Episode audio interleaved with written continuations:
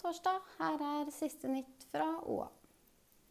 I løpet av de siste åra har beboere langs rv. 4 på Eina opplevd at trafikken forbi eiendommene deres nærmest har eksplodert.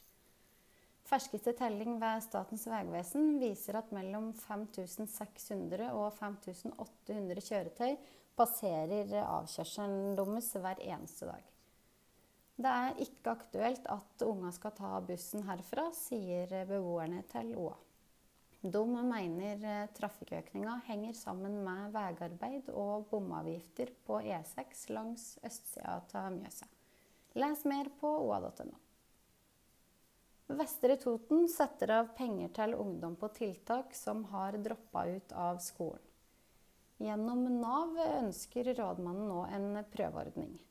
Det settes av 50 000 kroner for dropout-ungdom under 18 år som deltar på arbeidsretta oppfølging.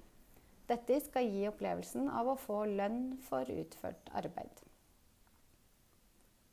Arne Senstad ønska å trene både Storhamar håndball elite og det polske landslaget. Det er ikke totningens nåværende klubb interessert i. Ifølge Hamar Arbeiderblad er Storhamar ikke klar for en delt løsning. Les mer på våre nettsider.